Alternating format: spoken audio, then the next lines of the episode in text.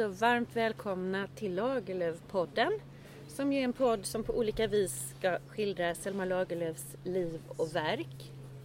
Och idag sitter vi på en eh, viktig plats. Vi sitter under lindarna på Mårbacka. Och min gäst här är författaren och översättaren Enel Melberg. Varmt välkommen! Tack ska du ha. Och Enel, du är här idag för vi ska främst röra oss kring en roman som du har skrivit som heter Paradisfågens flykt. Och den handlar om eh, Lagerlöfs, eh, ja, man kan säga ålderdom eller Ja, senare år. ja.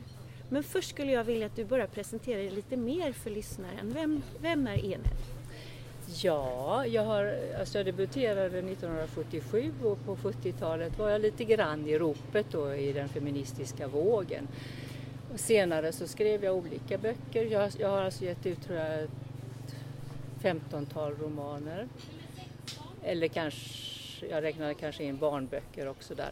Och sen har jag översatt eh, ungefär lika många böcker från estniska som är mitt modersmål för jag kom som flyktingbarn med mina föräldrar under kriget.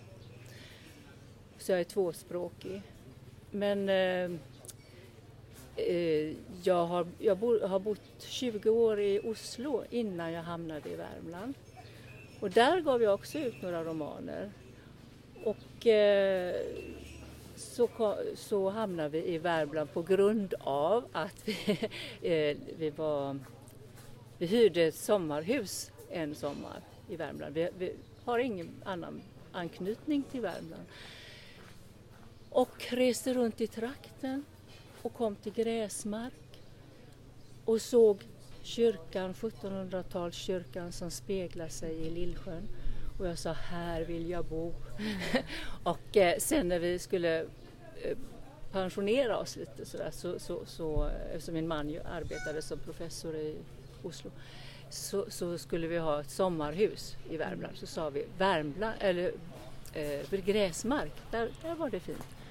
Och gick in på nätet och det fanns ett hus och det köpte vi. Och det har vi inte ångrat. Och, eh, och, eh, så nu har vi bott här en ja, 10-12 år sådär. Och eh, du frågade förut om varför jag har skrivit den här boken. Eller, eh, det är klart att när man kom hit så, så hovrar ju Selma över det hela och eh, jag tyckte att hon var ju så stor så det var ingenting att närma sig. Så jag tog en omväg om Fröding som jag tyckte var lite enklare att läsa in. Och, och, och ingången där var ju faktiskt att jag hittade en artikel om hans mor och det var ju Mm. väldigt intressant. För det var ju inte så många som visste om det och, eh, och där, hittade, eh, där kom det fram att hon råkade i en sån här eh, vad heter det, havandeskapspsykos när hon födde honom. En depression eller med- depression, depression ja, ja, det heter ja. ja. Och, eh, så att hon fick åka till, hon skickades till Danmark på ett eh, hospital i Danmark. Och eh, barnet var kvar. Mm. Så att jag tror, och hon var borta jag tror ett år. Oj. Och jag tror att hans problem som han fick senare i livet bottnar i detta. Mm. Hon var en mycket spirituell och spännande kvinna och hon, hon diktade själv och, Mm. och hon hade rimtävlingar med honom. Och, och sådär, va? Ja. Ja. Och eh, så att då, då eh, startade jag med den här boken som heter, eh, heter den? Ja, vad heter den? Någonting med stjärnor, Ja just jag. det, det borde varit stjärnor. Så var det och det var något diadem, Ja, eller hur? och, och, så här, och så här är det också att, att eh, han har ju skrivit den här dikten, det, det borde varit stjärnor om ditt ämne och, och, och så rimmar det på spänne. Men, eh, och, och då är det många som spekulerat i vad är det för en eh, vem riktade den sig till Mm. och vem var han förälskad i när han skrev den och sådär. Men han- började skriva efter mammans död. Mm.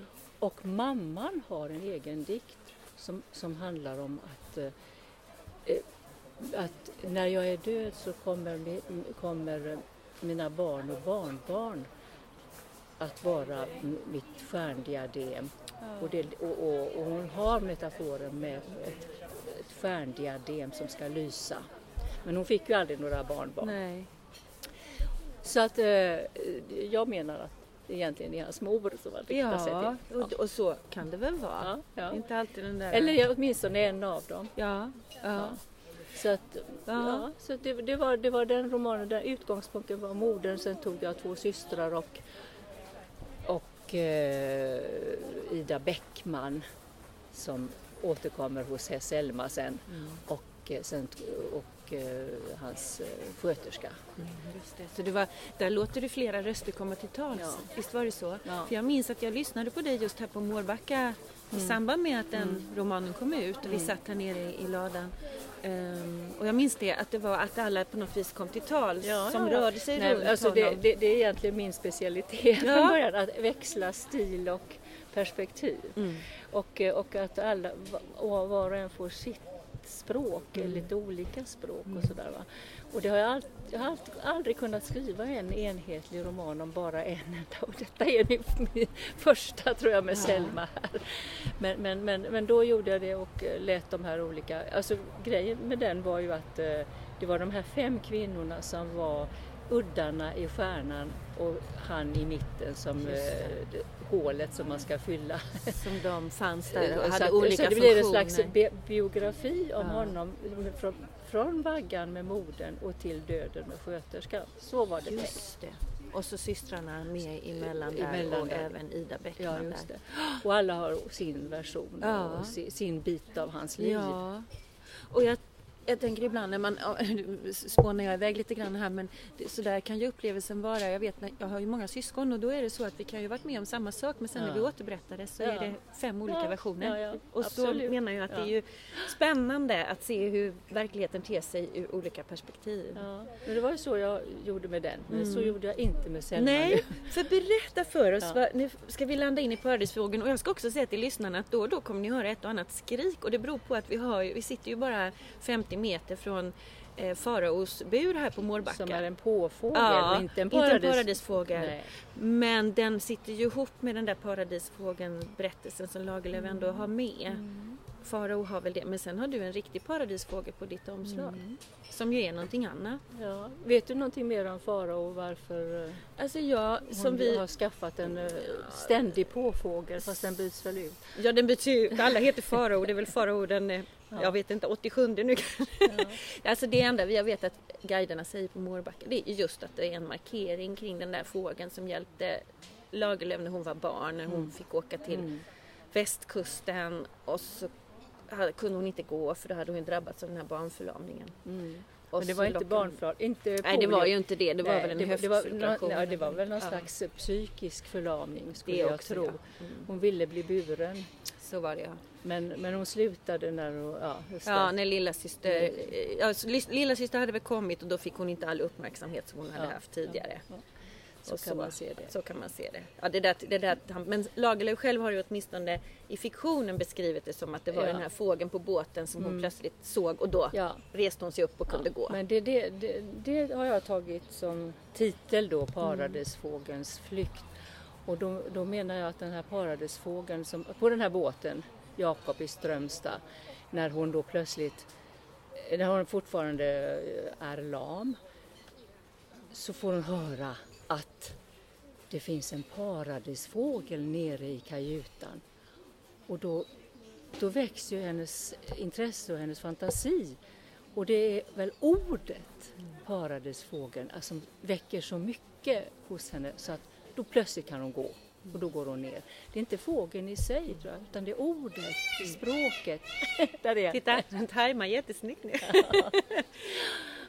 Ja. Och det, och det, och det är det va, jag, att, att för, för mig då, eller för henne kanske också, så står den här paradisfågeln för eh, inspiration, fantasi eh, och det här som jag säger, flykt. Det kan vara att man flyger i fantasin och så vidare. Men det kan också vara att den har flytt henne. Och det är det den här boken handlar mycket om att hon är gammal och inte orkar skriva, eller inte har tid att skriva och inte kan skriva.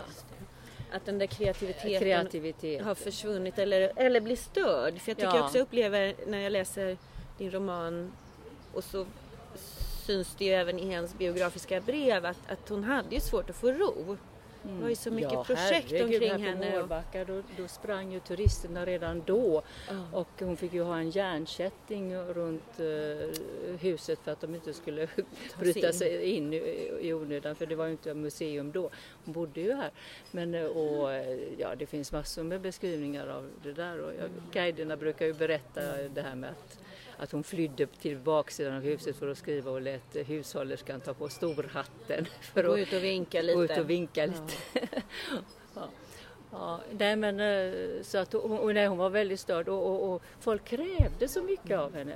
Och när, när hon hade fått Nobelpengarna så skulle de ju ha bidrag och de tiggde och, och hon försökte besvara breven. Alltså hon fick ju massor och hon, blev, hon kände sig sjuklig och trött och hon var ju ganska krasslig mot slutet här. Och min bok handlar ju om då hennes, kan man säga, tio sista år eller så. Just det, för du har delat upp romanen i två delar. Och då började du med första delen 1932. 32, ja. ja. Och det är då när hon eh, skriver på sin sista bok som är eh, en fiktiv dagbok. Sel- dagbok för Selma Lovisa Ottilia Lagerlöf. Folk tror ju ibland att eh, hon skrev den här aktuellt, men hon var över 70 år när hon skrev den. Och eh, jag själv när jag började skriva den här var, var då alltså, eh, ja, började där med 75 eller något sånt där. Och så att då kunde jag ju leva mig in i, i den biten och för jag är inte lika krasslig som hon var för hon hade ju ständiga problem med alltså, De hade verk. Ja, hon, ja och, och, hon opererades för olika, om det var njurar eller vad det var. Men, eh, och eh, benet värkte väl ofta också. Och, och ja, ryggen naturligtvis som på alla. Och, eh, ja, ja, och, och fick olika, och influensor och Mm. allt möjligt som hon drabbades av. Och ja, men hon slet på, hon prövade, hon ville och sådär. Men så kom ju alla dessa eh, brev. Hon hade ju hjälp då med att besvara Ja. breven. Och, Just det, hon hade ja, sekreterare och, och Valborg kanske kom in i, i delar också och hjälpte henne. Valborg som är hennes livsledsagerska Ja. kan man säga på ja, väldigt många år. Ja. Och som var med vid hennes dödsbädd tillsammans med systern. Men, men de bodde aldrig ihop på riktigt. Nej. Och det är lite festligt med Selma för att det är liksom, hennes stora första förälskelse var ju, äh, inte första men den stora förälskelsen före Valborg var ju Sofie Elkan. Och eh, hon var en förmögen kvinna med hushållerska, hu- hus, ja, husjungfru och, och, och Valborg hade också husjungfru. De reste med sina jungfrur och de, Ja. eh, de, de hade det Gott ställt gott ja. ställt. Ja. Och, ja. Och välutbildade kvinnor får vi Väl- säga att de var. Välutbildade och duktiga. Valborg med sin, all sin pedagogiska kunskap. Och jag minns det väldigt väl att, att det var ett utbyte när Lagerlöf skrev Nils Holgersson, särskilt med Valborg och Lander. Det minns jag. Ja just det, för det var. Valborg och Lander bodde ju då i Falun, Ja. och hon, eller hon bodde ju själv i Ja. Falun ett tag, eller hade hus där ganska länge. Och eh, då, eh, innan hon tog tillbaka Mårbacka, och då kom eh, Valborg som representant för de här eh, svensklärarna eh, och, be, och bad henne om att skriva en läsebok för folkskolan. Och det blev- Därifrån frågan kom. Så var det Ja. via Valborg. Ja, via Valborg och sådär. Och sen började Valborg göra kur som hon säger. och eh, koketterar inför Sofie. Ja. Att här är den som kommer att göra kur för Ja. mig. Ja. Men, men, men sen så, så blev ju alltså Sofie, om man nu ska gå in på de här Det här triangeldramat. trianglar, Ja. trianglarna, så, så Sofie var väl egentligen mest från sin sida sett en väninna men som var rätt possessiv. Mm. Alltså hon ville liksom äga Selma men hon var inte intresserad av att ge hans kärlek tillbaka. Men Selma var ju genuint förälskad. Mm. Och, eh, men när Valborg kom in i bilden, oj, då blev Sofie så svartsjuk så det var väldiga triangeldramor och när de då möttes Ja, alltså, och Selma var lite, eh, vad ska vi säga, falsk Ja, ja, eller fräck där. För att hon, hon hade de hade, hon hade rest med Sofie och så kom, och längtat efter henne, skrivit till henne. Eh, eller Varborg och skrivit till Varborg och kan du inte möta mig i Köpenhamn? Och så kommer, kommer uh, hon dit och, uh, och när Sofie får se att hon är där så blir hon hysterisk eller arg.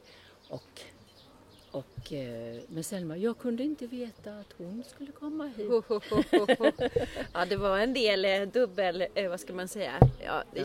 åt alla håll och kanter där med Lagerlöf. Hon kunde minsann hålla båda grytorna kokande ja, samtidigt. Ja, så kan man ju kan man göra. Kan man, Så kan man göra Men hon var också genuint, vad ska vi säga, fäst vid dessa och, ja, och, och, och trogen, alltså livet ut, sina väninnor och så. Och, uh, ja. Ja. Så, så är det ju. Ja. Och, och, de var väsentliga, säkert på lite olika sätt men, men eh, väldigt, väldigt viktiga för henne. Ja, det, ja, det, det framgår det, ju både känslomässigt och också till yrkesmässigt framförallt ja, kanske ja, Valborg då. Ja, och de läste hennes manus och kom med kritik och Sofie Elkan var ju själv författare. Mm. Hon var ju egentligen, i bör, först var ju hon den stora mm. författaren som hade gjort succé. Och, eh, men så småningom så blev det ju Selma som tog över den biten men, och, och, och då blev Sofie, Sofie ganska ofta snål och stött. Mm. Eh, och, kunde inte riktigt ta Lagerlöfs framgångar. Nej. nej, nej det, vet, det vet jag i breven att man mm. ser det i undertexten och ibland mm. rätt upp och ner också. Jag måste fråga dig Enel, när du liksom beslutade dig för att ta dig an det här projektet? Vad var det för, vad, var, vad kom de tankarna? För jag tänker du hade ju gjort Frödingboken. Ja. Um, låg hon där och ropade eller var det något speciellt ögonblick som tänk, du tänkte det här, här ska jag, det här ska jag gripa mig an? Nej, nej, egentligen inte så utan jag började, hade väl mognat fram att, och jag läste ju liksom, jag gick ju på Västanås alla eller har gjort det alla föreställningar? För alla föreställningar sen jag flyttade hit och eh, nej men nu är det väl dags. Mm. Och så hade jag Ida Bäckman också från Fröding och eh, det, det, är ju väldigt spännande också att eh, Ida Bäckman efter att hon blev portad av eh, Frödings syster och fick inte lov att besöka honom på sjukhuset och, och så vidare och, och, och den här sjuksköterskan eh, trotsig. Trotsig ja. vad heter mm. hon förnamn? Ja.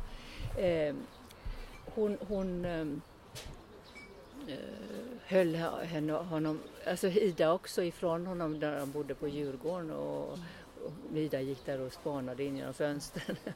och, eh, nej men så att, eh, och så blev hon portad och, och, så, och så fick hon höra någonting om att han också hade sagt någonting eh, så att hon tänkte att han var med, han var nog med på det där, att hon, han var, tyckte hon blev lite jobbig. Mm. Och, ehm, och eh, så, så då vände hon ryggen till honom och, och brydde sig inte om honom alls. Men så på det här stora rösträttskongressen i 1911 det kom ett årtal jag kunde. Ja, ja det är bra. och eh, så, så var Sel Selma stora stjärnan och pratade. Och eh, då närmade sig Ida henne och sa att eh, jag kände Fröding. Mm. Och det blev förbindelselänken och Selma tyckte, och, kände, och, och Selmas förhållande till Fröding är ju det är väldigt knappt alltså. Hon, ja, hon, de sågs bara en gång. Ja, när, i ungdomen kanske ja. de gånger alltså, sådär. Och det, det, som hon beskriver det är mötet i, i Öjervik, ja, tvärs över sjön. Ja, och, och, så har hon skrivit en, en dikt om honom också där, där hon beskriver honom mm. som lite arrogant och, och sa att han såg ut som Lord Byron. Ja. Tjusig men lite fjär. Ja, och, han, och, så han var ju student också. Och mm. det, hon var, hon var alltså, jag tror, för mig blir det så också att studenten som då dyker upp ofta och särskilt är eh, en herrgårdsägen att det för henne inte för sin, och, i, och i dagboken, Dagbok också, ja. ja att det inte är killen i sig utan det är mössan. Va? Hon, hon fick inte studentmössan va? men han studenten mm. han pratade med henne som om hon var en riktig människa. Mm. ja. men, men i alla fall eh, nu kommer jag kanske Jo, från ämnet. ja, nej, men det var Ida och Ida, Fröding mm. och och, och, och då så, närm- så Ida sa, jag kände honom. Jaha, och det tyckte hon var spännande och, och släppte in Ida till att prata om och, och så vidare. Och, eh, men Ida började ju genast uppvakta Selma då. Så hon hade, hon hade uppvaktat Fröding med brev på brev. Och, hans, och båda har skrivit, skriver inte så ofta. Hon är lite av en nutida stalker. Det, Ja, ska man Det, kanske det, hårt man att säga? skulle kunna säga. Ja, men hon ja. blir i alla fall väldigt, och, och väldigt Sigrid fascinerad. Kombychen har- som har skrivit Ja. en, en, en eh, biografi om, om eh, Ida och, och som försöker vara på Idas sida och är det mycket och sådär för att hon var en tuff tjej Ja. alltså också.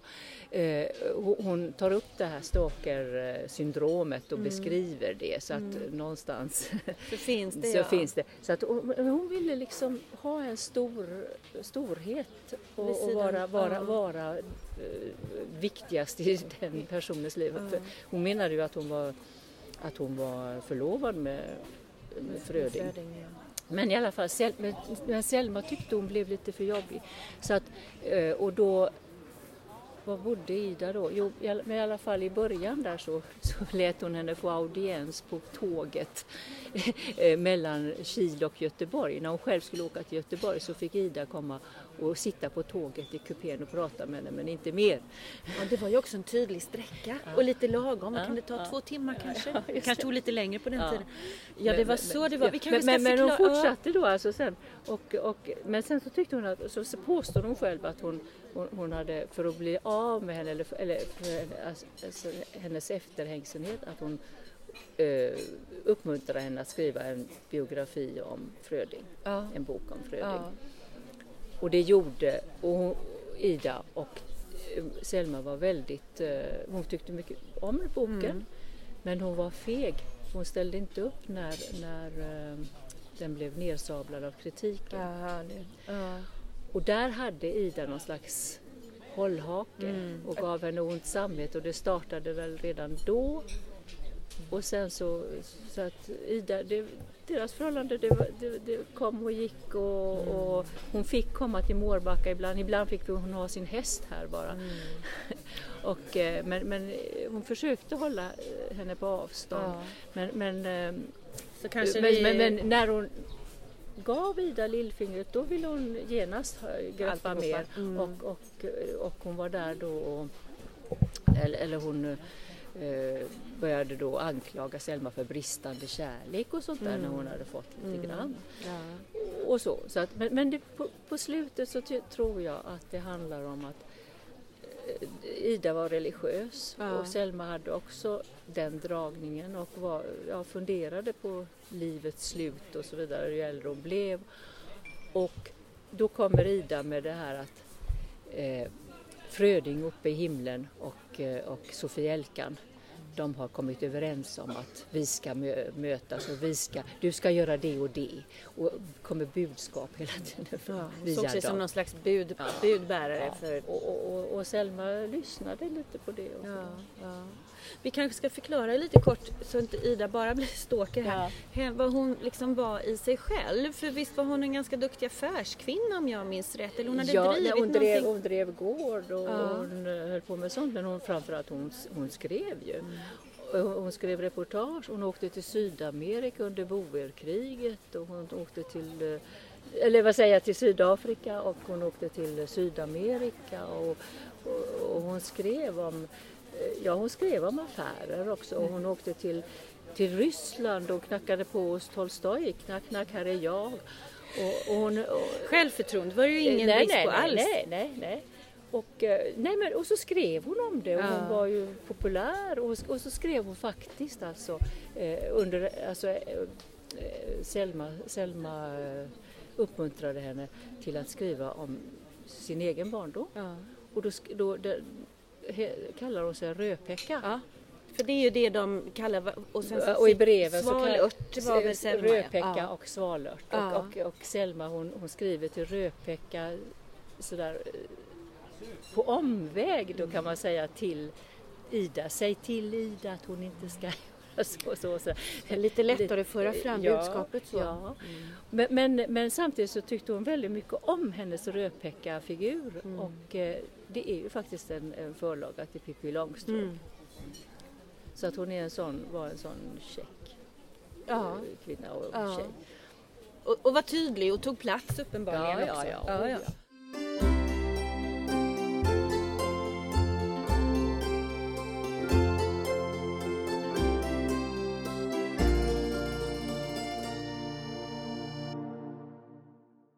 Emil, jag tänker så här om vi skulle ta och ja, berätta hur du byggde din roman. Hur, Ja. hur du liksom sen, hur du började skriva och hur du, för din egen röst är ju med på några ställen. Och så tilltalar du, jag minns det som att du talar till Selma som du, vilket jag tycker är ju något som man inte stöter på så ofta. Och jag, jag tyckte om det, att du liksom vänder dig till, det, till detta du och, och så får vi som läsare en, en, vad ska jag säga, en god kännedom om, om Lagerlöf. För du ligger ju, så vitt jag kan, nära det biografiska. Så du har ju läst in dig något kolossalt. Jag har läst in mig som jag skulle kunna skriva biografi Så kände jag, ja. Men grejen var att under tiden så att Anna-Karin Palm och skrev en riktig biografi och det visste jag inte om. Nej. Och, och jag, det här är alltså, jag vet inte, femte versionen. Mm. Så att jag, jag startade ju med sådana regler från, från barndomen Mm. och framåt och allt möjligt. Fast lite i romanform och eh, i, i tredje person och sådär. Men sen, herregud, det kunde jag väl inte skriva en sån där när det kommer biografier. Och, och, och, Ja, Anna Anna kom Nordlund precis. kom före och Ja. då höll jag på. Och jag, jag, jag, var färdig när, när Anna- när Anna-Karin Palms kom. Ja. För att då hade, men jag visste att hon höll på också. Och, eh, så att jag tänkte nej det går ju inte och sådär. Och så, så, så omstuvade jag det så att det blev ålder, utifrån ålderdomen. För jag går ju tillbaka, alltså hon minns ju Ja, ja, barndom. finns en, Hon minns mycket sin barndom och mm. hon, hon går tillbaka till en massa saker. Men jag startar i ålderdomen och så tänkte jag så här, ja men jag håller ju själv på att bli lika gammal nu. Mm. Jag är ju det.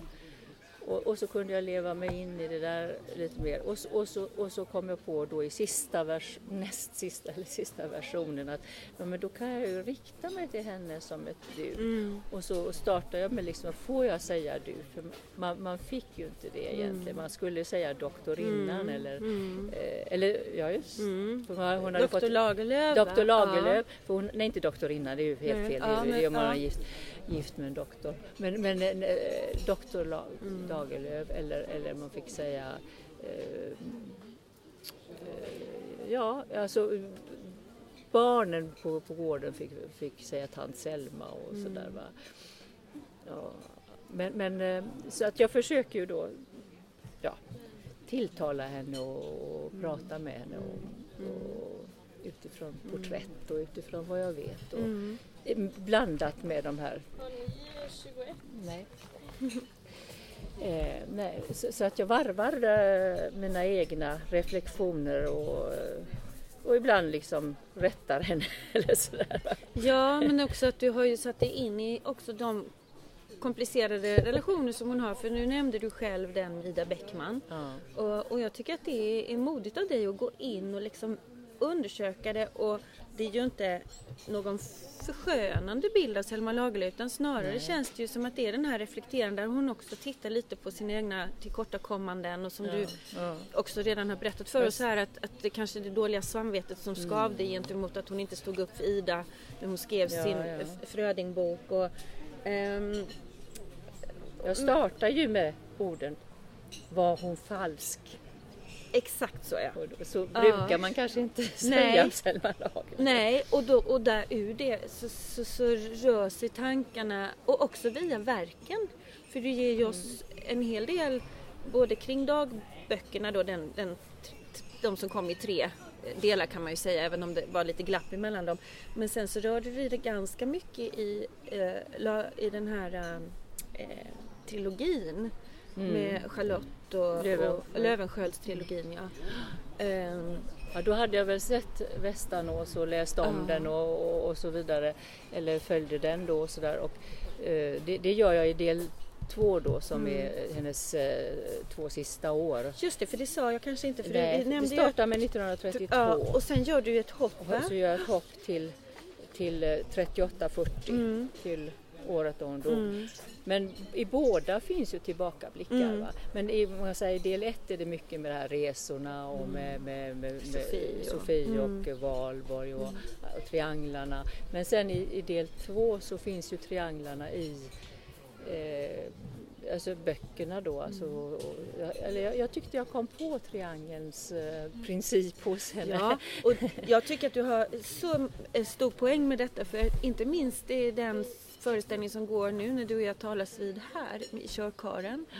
Då har vi också Ja, hustrun och Ja. den förälskade slumsystern. systern och så mannen. Mannen, ja. Ja. Och, eh, och jag tror att eh, Alltså i Gösta Berling finns ju inte det på samma Nej, sätt det och så inte. vidare. Nej. Utan det, det kommer sen, och särskilt i Löwenskiöldska ringen Ja. då. Men, det, men hon har ju tidigare också i de här uh, Liljekronas hem och de där två bröderna. Och, alltså hon Ja, har ju men de dyker, det dyker upp. dyker upp Ja. mer, och det är ju det som gör spänning, skapar spänning i, Ja. i relationer. Att det finns ett tredje part. Att. Såklart. Eller att triangeln kan ändra läge så att någon är spetsig ovanför och de andra två nere. Eller? Ja, ja. Och, och det är till och med så om man tittar på just eh, Löwenskiöldstrilogin där att där är de ju egentligen tre kvinnor som på olika sätt eh, cirkulerar, eller fyra med mamman till Karl Arthur också. Mm. Karl Arthur som är, är mannen som de alla på något vis vill, eh, vill ha mm, eh, ja, kontroll över eller är förälskade i eller vill behärska på olika sätt. Så, och, ja, Anna, Anna Svärd ska vi ju ändå ge till hennes försvar att hon blev ju bara inkastad i berättelsen eftersom hon råkade gå förbi Ja, när det var ett gräl. ja, ja. Men, men i övrigt ja, men så det är blir det ju, det blir ju, det blir ju en triangel med Anna och, och, och Charlotte. och Charlotte.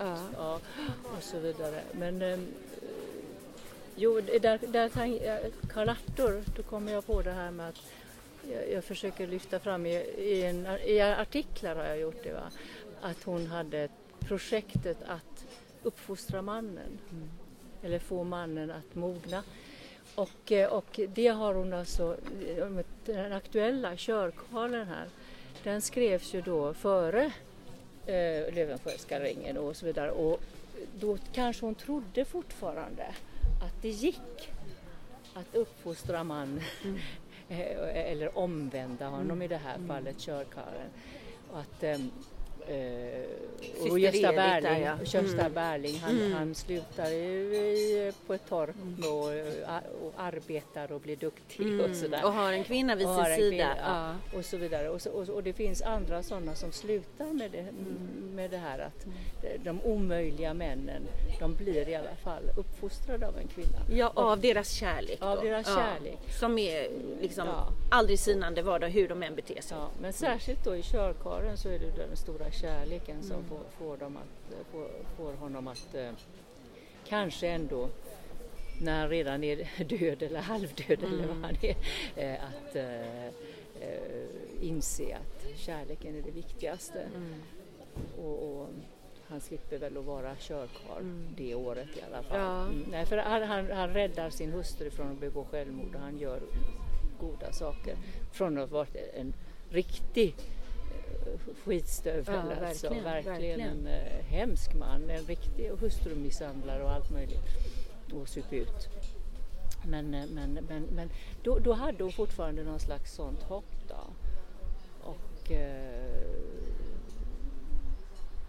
Men kanske Men- inte kvar sen. Va? Men, men när, när vi kommer till, till Löwenskiöldska ringen och Karl Arthur så slutar Anna Svärd hennes sista roman med ett frågetecken. Ska Anna ta emot honom eller inte? Mm. Har han ändrats eller har han inte? Och det tycker jag du eh, gör så snyggt faktiskt här nu i- slutet på din roman. Så låter det ju det där tvivlet på, på mannen. Nu, nu pratar vi ju också krigstider. Mm. När Lagerlöf ju känner på sig här på 30-talet vad som börjar puttra ner på kontinenten med nazismen och så vidare. Och hennes tro på freden och tron kanske också just på den manliga kraften att den skulle kunna gå att tämja på något sätt. Den kommer ju liksom på skam här. Hon, Ja. hon, hon, hon, hon tvivlar ju mycket. Ja, Eh, och och det är ju också min bild att hon Ja. satte i alla fall ihop den de destruktion som världen erfor Ja. med Ja. man, den man, manliga kraften. Mm. Och eh, det är ju tragiskt men, Ja. men så, så är det ju. De är ju väldigt arma och vilsna själar på olika sätt, eh, de här manliga karaktärerna. Och särskilt då som du nämner David Holm.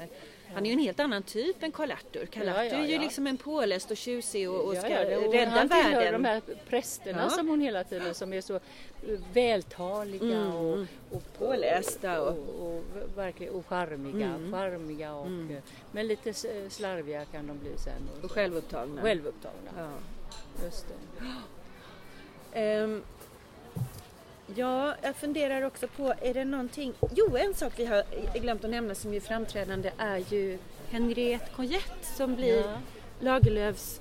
Sista förälskelse. Ja, så är det Ja. ändå. Berätta. Friherrinnan som eh, hon träffar på, är det 70 års, ja det är 70 års eh, hon firades ju alla, en stor, födelsedagar blev ju pompa och ståt och från, särskilt från 70 år och framåt och, och då var det, det både, både teater och konserter och, och då satt hon i konserthuset och då satt en kvinna bredvid henne och sa vilken vacker klänning.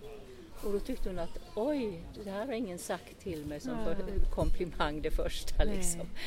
Ja, och, och, och sen så, så, jag vet inte hur, så började de, eh, jag blev de bekanta och så. Och det var ju, hon var friherrinna och Mm. hon hade ett eh, slott, Torup slott Nere i Skåne, i ja. Skåne. Mm. Och, eh, så att Selma åkte ju dit och beskrev det här slottet som någonting makalöst som växer fram där som en stor blomma Mm. i, i sädesåkern och så där. Och det är nästan så att man, man förälskelsen ligger redan i den där beskrivningen. Och, och eh, när hon blommade upp och hon hade varit ganska trött och hon hade varit eh, sjuklig och jag menar Wahlberg, eh, det, det, det var ett, ett äktenskap som Mm. liksom De visste vad de hade de visste vad de varandra och- hade ja. varandra och trygghet och, och jättefint allting. Men, men det, här var, det här var lite... eh, hon blommade Mm. En inspirerande upp. själ Ja, hon på något sätt. upp. Och Mm. sen så, sen så kom eh, Henriette hit. Och, eller egentligen mest till Falun för att det, då, det, var, det var kallt Ja. och eh, järnvägen gick direkt till Falun och lite så. Det var svårt sen. Alltså det var ju, det var ju ganska, eh, inte primitivt men det var ganska kärvt att bo här på Mårbacka På vintrarna ja. ja Så- hon så behöll ju Falun i Ja. många, många år Mm. som, så, eftersom Ja. det var som du säger Ja. och det är ju fruktansvärt Ja. kalla vintrar. Ja. vet du och jag det kan vara. Jo, så att, eh, och, och, och sen så åkte både Valborg och hon ner till Henriette och hälsade på. Och, och så här. Men sista gången var de alla tre krassliga. Ja, ja. Och då var de ju över 70 Ja. och sådär. Va? Du låter ju, vi ska kanske inte, nej jag ska inte avslöja, jag ska inte avslöja slutet utan det ska vi, det ska vi låta eh, lyssnarna få läsa själva. Jag tror att detta får bli slutordet. Jag ska upprepa titeln på romanen som jag ser, Paradisfågelns flykt. Enel Melberg, tusen tack för din medverkan. Tack så mycket. Tack.